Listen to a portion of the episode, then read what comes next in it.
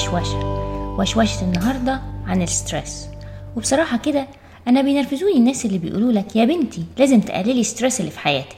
طب ما أنا لو كنت عارفة أقلله كنت قللته وأنا مستنية إذن. ال stress ده مش حاجة لازم نقللها ما ينفعش. الدنيا مليانة ضغوط وتحديات ومشاكل وعمرها ما هتخلص. اللي لازم نعمله إن إحنا نزود قدرة احتمالنا ونغير نظرتنا للتحديات دي وده اللي هنتكلم عنه النهاردة. بس معلش على الماشي كده؟ لو كنت زي صاحبتي إياها اللي بتشتغل من 8 ل 5 وبعدين تودي عيالها تمارين ال soccer والكاراتيه والتنس غير دروس البيانو والعود والباليه وال math والعربي والرسم والشعر والسباحة وطرق الطهي الياباني والزجاج المعشق ودراسة لغة بلاد الوقوق؟ معلش انت بقى استحمليني لو قلتلك يا بنتي لازم تقللي ال stress اللي في حياتك. ما هو كل شيء بالمعقول برضو. غير إن انت بتعملي لنا كلنا stress لما نحس إن إحنا كده أمهات نص كم. إزاي يعني مش بنعلم ولادنا الرسم على الإزاز وطريقة عمل السوشي وتزويق التورتات ولغة الكناري في الأدغال؟ طيب نرجع لموضوعنا بقى ونبدأه من الأول. يعني إيه stress stress هو رد الفعل الطبيعي للجسم لما يشعر إن في خطر بيتهدده. في الحالة دي الغدة الكظرية أو ال adrenal gland اللي فوق الكلى بتفرز هرمون الأدرينالين وده بنسميه ال fight or flight response يعني هندخل في خناقة ولا هنفرد بجلدنا من الزنقة اللي إحنا وقعنا فيها دي. في علماء زودوا عليه دلوقتي بقوا يسموه fight flight or freeze ال three F word يعني. ما اقصدش حاجة والله. هما بجد بيسموه كده. يعني لو في أسد هجم عليك فجأة عندك حل من التلاتة. إنك تدافع عن روحك وتتخانق معاه أو تجري وتفلت بجلدك أو إنك تتسمر في مكانك وتعمل ميت.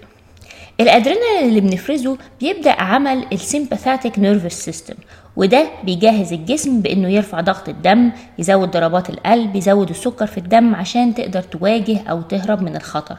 وكمان بيبطئ الجهاز الهضمي عشان من مش وقت أكل دلوقتي بلاش تفاصيل إحنا هنتاكل. لو ال stress استمر شوية زيادة جزء تاني من نفس الغدة الكظرية بيفرز الكورتيزول. وده بقى بيجهز الجسم إن الأسد يا جماعة قاعد معانا شوية. فلازم نستعد نخزن دهون يعني علشان مش هنقدر نخرج من الكهف اللي إحنا مستخبيين فيه. مش هنقدر ندور على أكل والأسد قاعد لنا بره. ولازم كمان نرفع سكر الدم شوية علشان لو الأسد قرر يهاجم في أي لحظة نبقى مستعدين. وبالمرة نقلل مناعة الجسم عشان مش وقت نضيع طاقة ومجهود في محاربة شوية بكتيريا وفيروسات.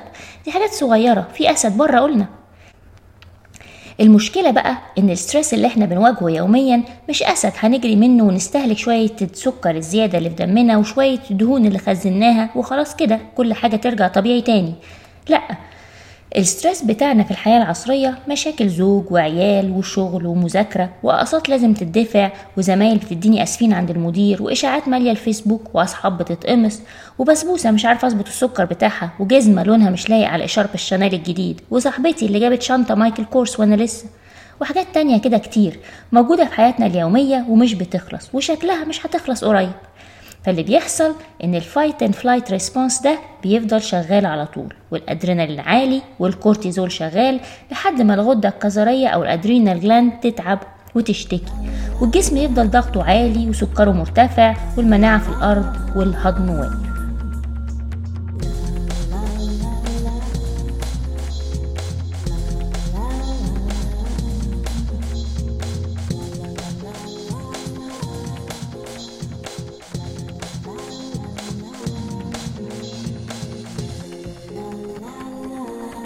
لو حللنا حياتنا كده بالراحة عشان نفهم أصل وسبب ال stress هنلاقي ثلاث أسباب رئيسية. السبب الأول سبب نفسي واحتياجات نفسية من مشاعر وأحاسيس.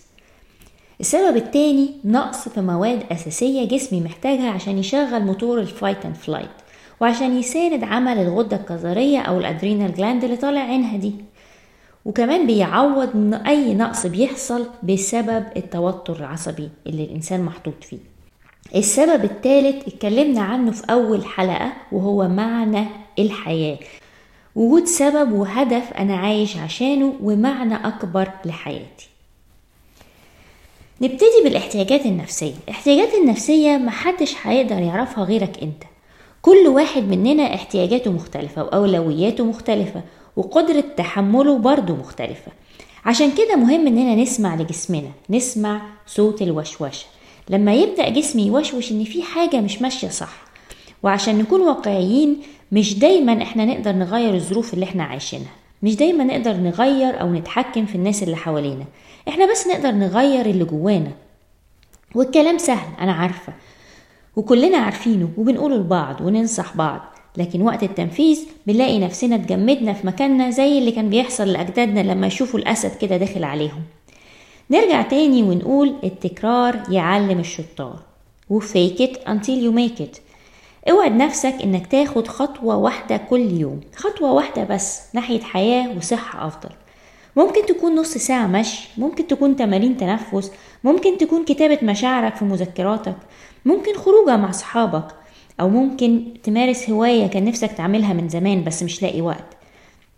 ممكن حتى تقفل على نفسك الأوضة وتقعد في هدوء وتشرب كوباية الشاي بعد الظهر. أي خطوة ولو صغيرة هتعمل فرق ويوم ورا يوم هتلاقي نفسك بتبتسم بجد بعد ما كنت بترسم الابتسامة.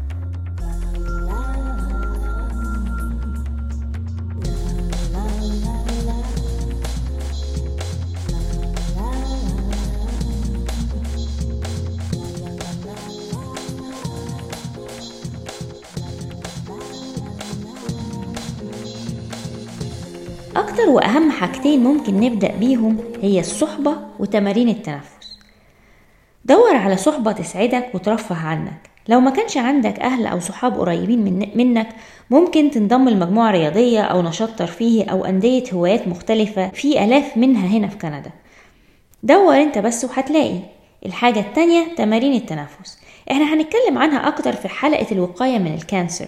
لكن المهم إن إحنا نعرفه دلوقتي إن تمارين التنفس بتوقف ال fight and flight وبتشغل بداله اللي بنسميه rest and digest. باللغة العلمية بتوقف ال sympathetic response وتبدأ ال parasympathetic response ال parasympathetic response ده بيهدي القلب وينزل الضغط العالي ويرجع الهضم طبيعي تاني.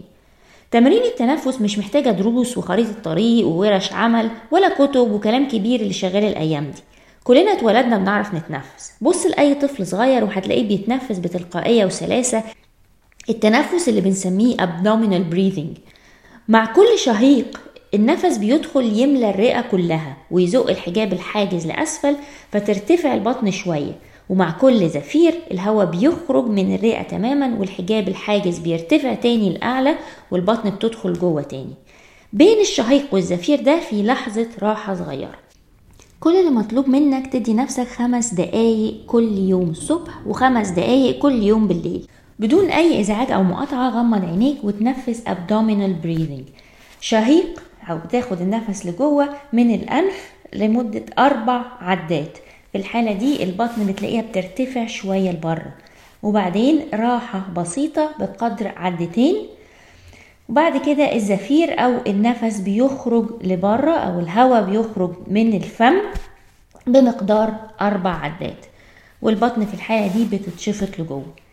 وعشان فايدة أكبر ممكن تتخيل مع كل نفس داخل كل حاجة حلوة بتتمناها في حياتك من سلام وراحة بال وصحة شوفها بكل تفاصيلها. لو في ألم أو تعب في جسمك تخيل النفس اللي داخل ده بيملاه بصحة وعافية. لو عندك مشكلة عائلية أو مشكلة في الشغل أو مشاكل مادية تخيل الهواء اللي داخل بيملى قلبك سلام ويقين إن كل حاجة هتمر بسلاسة. ومع كل زفير أو مع كل هواء خارج تخيل كل ألم أو تعب أو قلق أو خوف بيسيب حياتك بيسيب قلبك ويسيب عقلك وتفكيرك. كل خلية في جسمك بتتخلص من أي حاجة وجعاها أو شغلة بالها. كرر التنفس ده مرتين في اليوم. ابدأ بخمس دقايق كل مرة واظبط الساعة ومارس التمارين دي بجد. صدقني هتلاقي فرق رهيب في حياتك.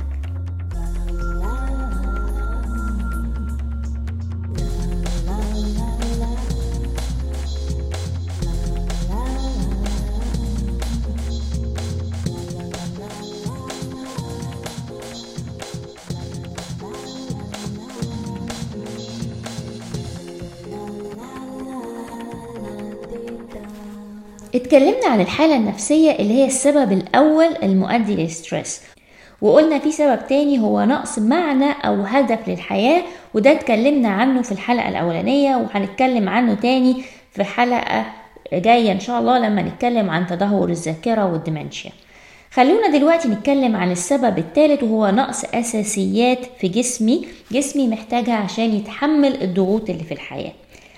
الغدة الأساسية اللي بتعاني لما إحنا بنبقى تحت stress أو تحت ضغط هي الغدة الكظرية أو زي ما قلنا ال adrenal gland وعشان نقوي قدرتها على الاحتمال محتاجين vitamin C B vitamins and good fat أو دهون صحية. ال vitamin C موجود في عائلة التوت بأنواعه ال berries موجود في الكيوي في الجوافة في عائلة الحمضيات أو ال citrus fruit زي البرتقال واليوسفي وال rose hips tea اللي اتكلمنا عنه في الحلقة اللي فاتت أو ثمر الورد. وفي الورقيات الخضراء زي السبانخ والسلق والجرجير والكزبرة والبقدونس. وزي ما قلنا كل ما يبقى لونها أخضر أغمق كل ما محتواها من ال nutrient أو القيمة الغذائية بتاعتها بتبقى أكبر. ال B vitamin موجود في الحبوب الكاملة في البقوليات برضو في الأوراق الخضراء. موجود في ال nuts and seeds اللي هي المكسرات والحبوب زي اللوز والجوز والبندق وحب دوار الشمس وحب القرع والسمسم. وممكن الحصول على B vitamins برضو من اللحوم قليلة الدهن زي صدور الفراخ والسمك. ال good fat أو الدهون الصحية خاصة الأوميجا 3 fatty acids دي موجودة في الأسماك موجودة في بذرة الكتان زي ال flax seed وموجودة في بذور أخرى زي ال chia seed وال hemp seed. في كمان مجموعة كاملة من الأعشاب بنسميها adaptogen دي وظيفتها إنها تقوي قدرة ال adrenal gland على تحمل الضغوط غير إنها في ليها فوائد كتيرة حسب نوع العشب المستخدم. ال adaptogen دي بتشتغل شوية بشوية لما بنضيفها لحياتنا اليومية.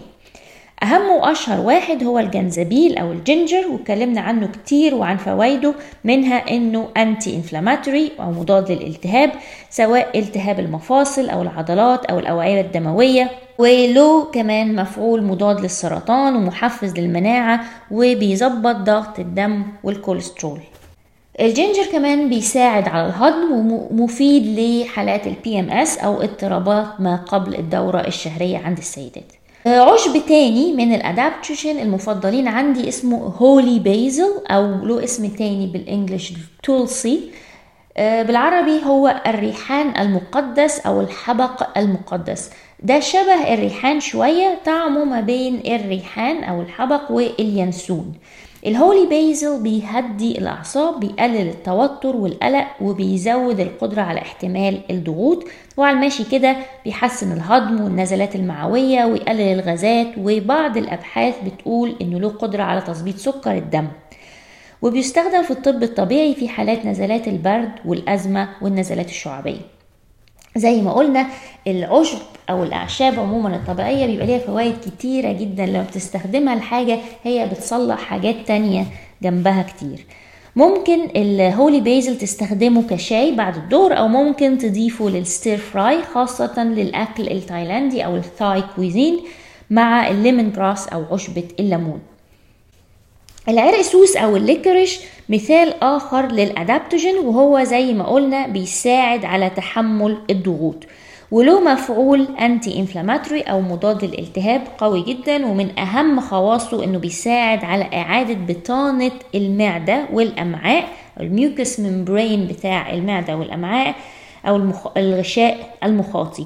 وله مفعول مضاد للحموضة الزايدة بدون الجانبية بتاعة ال PPI أو proton pump inhibitor أو مضادات الحموضة الصناعيه كلمة تحذير مهمة هنا إن العرق السوس بيرفع شوية ضغط الدم. لو أنت عندك قابلية لزيادة ضغط الدم أو لو أنت بتاخد أي أدوية علشان الضغط العالي أو بتعاني من الضغط يفضل بلاش العرق سوس وممكن تختار أحد ال adaptogen التانيين. في مجموعة تانية من ال adaptogen مشهورة جدا ممكن تكونوا سمعتوا عنها دلوقتي في إعلانات كتيرة في المجلات أو من ال natural health stores ودي موجودة أكتر على هيئة كبسولات في حالات الضغط العصبي الزيادة شوية مش مجرد إن إحنا بنضيفها في المطبخ. وأهمها أو أشهرها الجنسنج ال rhodiola والأشواجندا.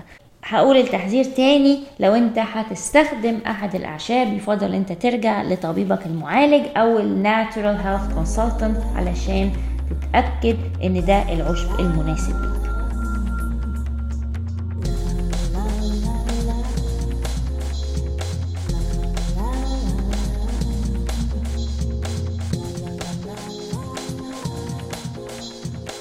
قبل ما أسيبكم تعالوا نراجع مع بعض هنعمل إيه الأسبوع ده.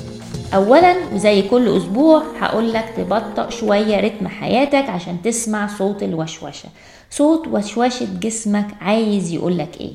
تعالوا نجرب تمارين التنفس وتعالوا ندور على صحبة تساندنا وتساعدنا على تحمل ضغوط الحياة. ثانيا هفكرك وأفكرك تاني بمعنى الحياة. إيه الهدف وإيه المغزى؟ وإيه الصورة الكبيرة اللي أنا عايش أو عايشة عشانها؟ إيه اللي بيخليني أصحى الصبح مشتاق أو مشتاقة ليوم جديد؟ الحاجة التالتة اللي اتكلمنا عنها هي مساندة ال adrenal gland أو الغدة الكظرية علشان تقدر تقوم بمهمتها في مواجهة الأسد اللي قاعد لي بره. وده بال vitamin C ال B vitamin ال omega 3 fats وباعشاب اللي عرفناها باسم ال adaptogen. أشوفكم الحلقة الجاية. هنتكلم عن وشوشة جديدة عن تدهور الذاكرة والوقاية من أمراض القدرة الذهنية زي الألزهايمر